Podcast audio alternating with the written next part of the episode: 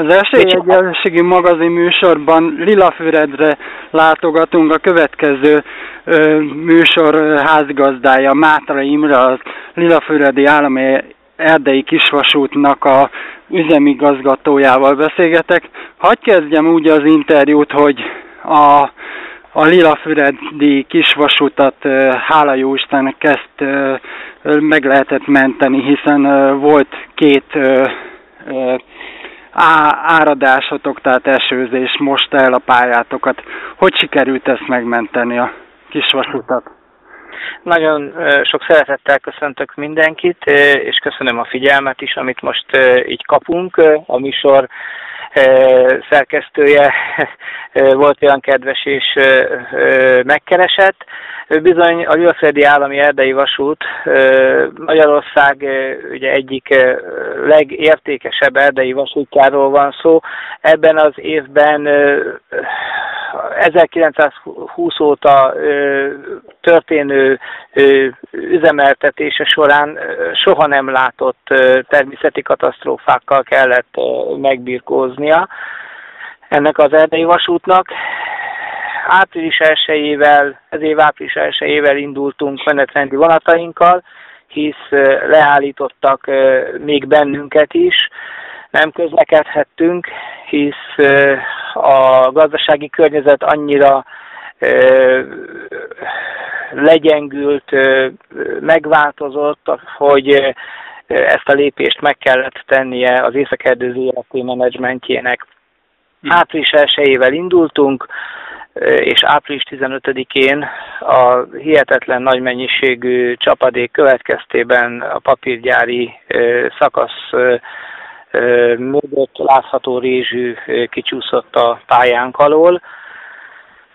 Ezt május 1-ére úgy oldottuk meg, hogy az önkormányzat tűzoltósága és a hely környezetünk segítségével átszállítottuk a megcsúszott szakasz fölé a mozdonyokat és a járműveket, kocsikat, személyszállító kocsikat, közúton, trélerrel, egy daruk segítségével. Igen, éppen ezt akartam megjegyezni, hogy irdatlan nagy összefogás volt Miskolcon, hiszen ö, ö, a tűzoltóságtól kezdve felajánlották ö, egyéb szervezetek is, hogy segítenek nektek.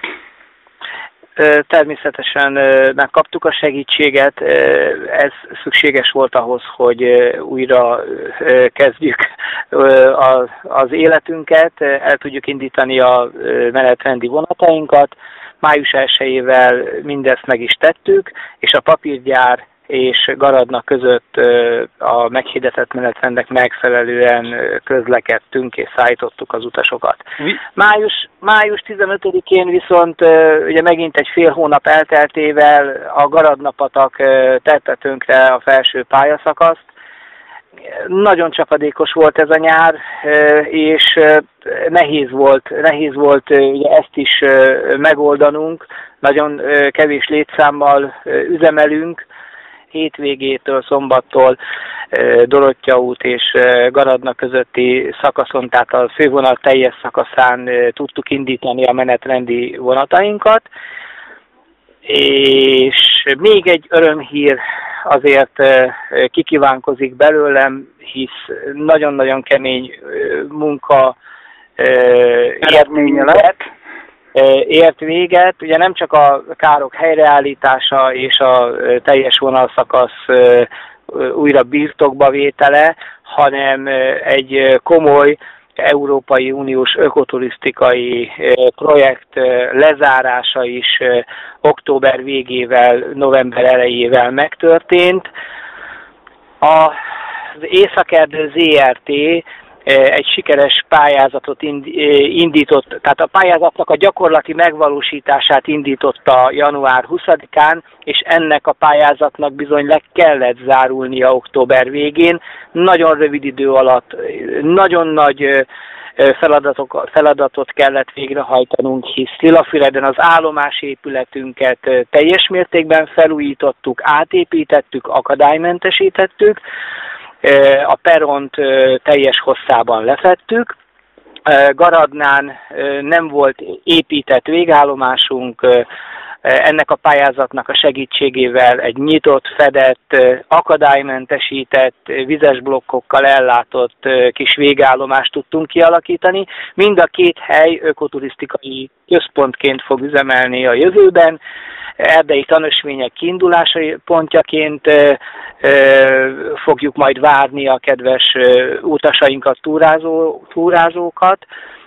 És a harmadik eleme, ami alapjában véve az egészet indukálta, egy Kecskemétről megvásárolt, leselejtezett kaszniba, MK48-as dízelmozdony kaszniába, a legmodernebb, a mai kor legmodernebb technikáját helyeztük el, ez az úgynevezett hibridhajtás, és ezt világviszonylatban keskeny közön elsőként itt Magyarországon, Miskolcon, a Lilaféredi Állami Erdei Vasúton valósítottuk meg, Magyarországon és a környező országok egyikében sem lehet erre példát találni, még a nagyvasútnál sem, tehát a nagyvasúti remotorizációknál sem voltak olyan bátrak eddig még, hogy a hibrid hajtásba gondolkodtak volna.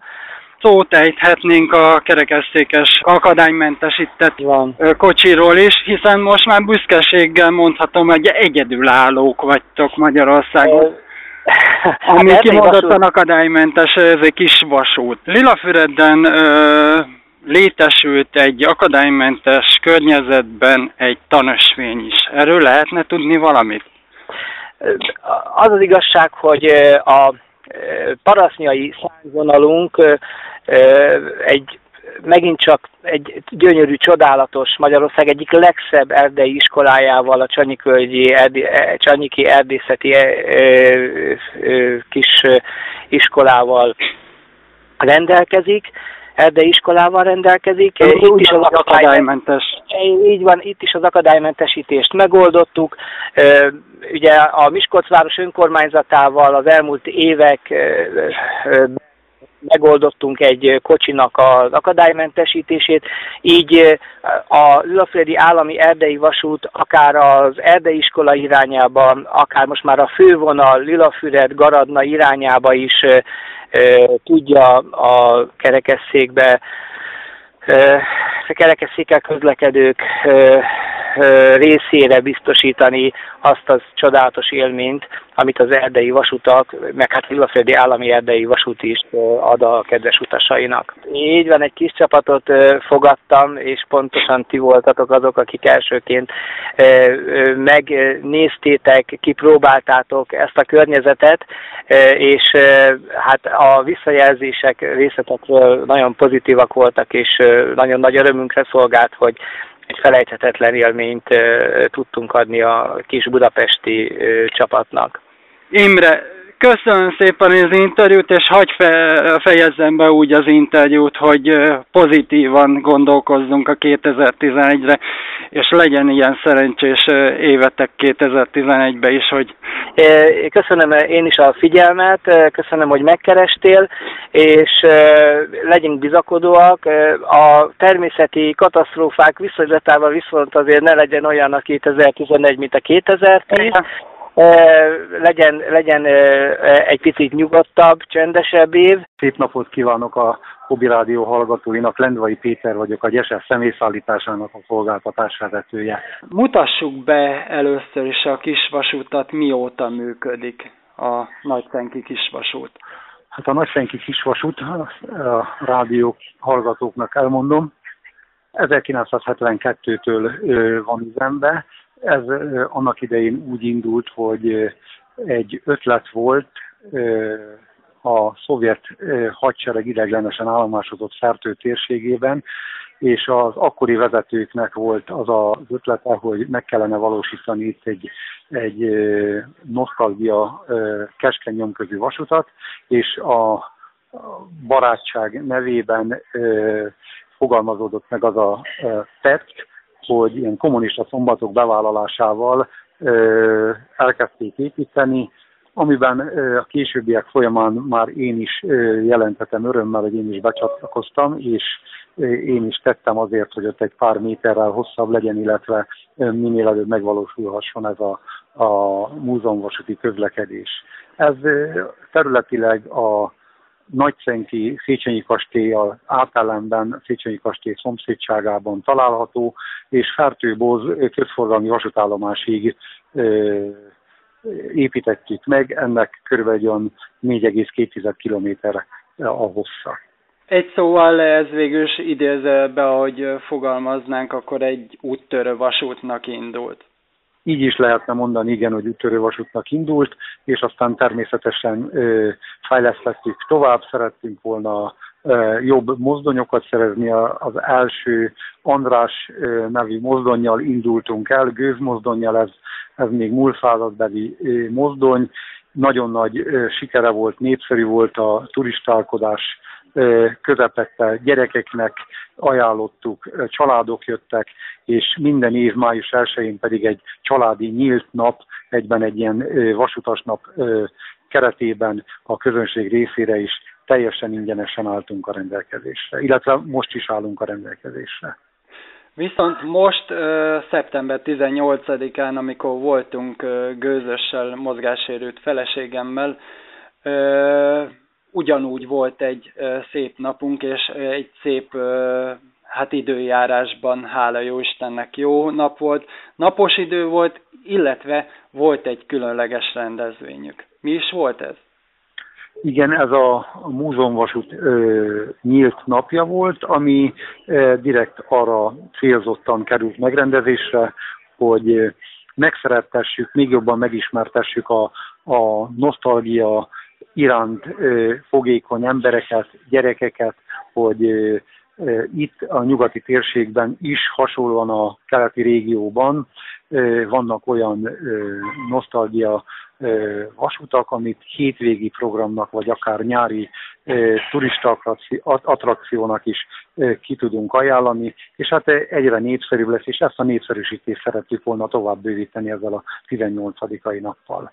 Itt jegyzem meg, hogy életünkben először hajtányozhattunk a kerekeszékes feleségemmel, tehát ez pozitív van töltött fel minket. Viszont vannak álmaik, tehát hogy meg szeretnének valósítani valamit, akár a, miről lehetne beszámolni a hallgatóknak. Igen, hát itt több témában is tudok említést tenni ezzel kapcsolatosan. Elsősorban ugye szeretnénk egy, egy erősebb gőzmozdonyt, amivel ö, nagyobb kapacitással, nagyobb ö, utasszámot is ö, fel tudnánk venni a, a kocsiainkba, és ezzel kevesebb menettel tudnánk leszervezni a napi igényeket, a napi forgalmat, és szeretnénk természetesen a mozgáskorlátozottak felé is megjelenni olyan szolgáltatással, hogy ők sem legyenek kizárva ebből a nosztalgia közlekedésből, és hát tervezzük, ahogy az anyagiak megengedik, tervezzük, hogy mobil emelőt, vagy a kocsira rászerelhető, ráépíthető emelőt telepítünk majd valamelyik kocsinkra, és akkor az előjelzések szerint ha tudjuk, hogy ilyen szándékkal jön hozzánk utas, akkor nagyon nagy szeretettel és biztonsággal részt tud venni az utazásban. Vannak programok, természetesen ilyen a, a múzeumok éjszakája, ami a napfordulóval kapcsolatos, akkor egész éjfélig, ha kell, ha, ha az utasok tovább igénylik, akkor még később is átszereltük a kocsiainkat, és ilyen hangulatos, régi, múlt századbeli világítással oldottuk meg. A mozdonyra is tettünk világítótesteket, és éjjel is közlekedünk a, a szerelvénnyel, nagy-nagy sikert élvez az az utazóközönség. Ezen kívül még javasolnám, hogyha van érdeklődő, és egy nagyon nagy élményben lehet részük azoknak a kedves utasoknak, akik szeretnék saját maguk vezetni a mozdonyt. Van rá lehetőség, hogy vezessék a gőzmozdony felügyelet mellett, és erről a vasút egy tanúsítványt ad, hogy jelképesen mozdonyvezetőjé válik az illető, aki ezt igénybe veszi ezt a szolgáltatást, díjazás ellenében természetesen. Itt említsük meg, hogy a vasút dolgozók többnyire, tehát a mozdonyon kívül, illetve a nagyobb teherbírású embereken kívül, tehát például, mit tudom, a váltó kezelést azt a, a, azon kívül gyermekek látják el. Igen, ez is nagy feladat évről évre, hogy toborozzuk a gyerekeket, és hát örvendetes, hogy egyre több a jelentkező, és tudunk szelektálni és azokat elsősorban azokat veszik fel, akik elkötelezettek a nosztalgia, a vasúti szolgálat és az ott törtött élmény, élmény iránt. Itt a beszélgetésünk legvégén említsük meg, hogy ha Nagy Isten valaki szeretne adományt adni a Nagyszenki kisvasútnak, akkor hova tegye ezt meg? Az az igazság, hogy még nem készült el a, az a alapító okirat, amiben de rövidesen el fog, tehát jövő tavasszal már bizton állíthatom, hogy alapítvány formában el tudunk fogadni adományokat, és ha az internetre rámennek a gyesev.hu-ra, ott már részletekben megtalálhatják kedves érdeklődőink, illetve kedves rádióhallgatók, hogy az alapítvány számlájára lehet befizetni, ami természetesen szívesen fogadunk, hiszen a, a mozgásunk az eléggé kötött anyagiakban, és hát ebben a nehéz gazdasági helyzetben egyre nehezebb forrásokat találni, hogy a modernizációt megvalósítsuk. Igen, sajnos hát ez rengeteg kis vasút pont ezzel közt, hogy így épp hogy csak meg tud élni. Gondolom, hogy így van a, a... Sajnos ugyanez van nálunk is, hát egyre nehezebb, egyre nehezebb a költségeket kitermelni, és hát természetesen támogatások és külön forrás bevonása nélkül szinte elképzelhetetlen lenne a, a működés.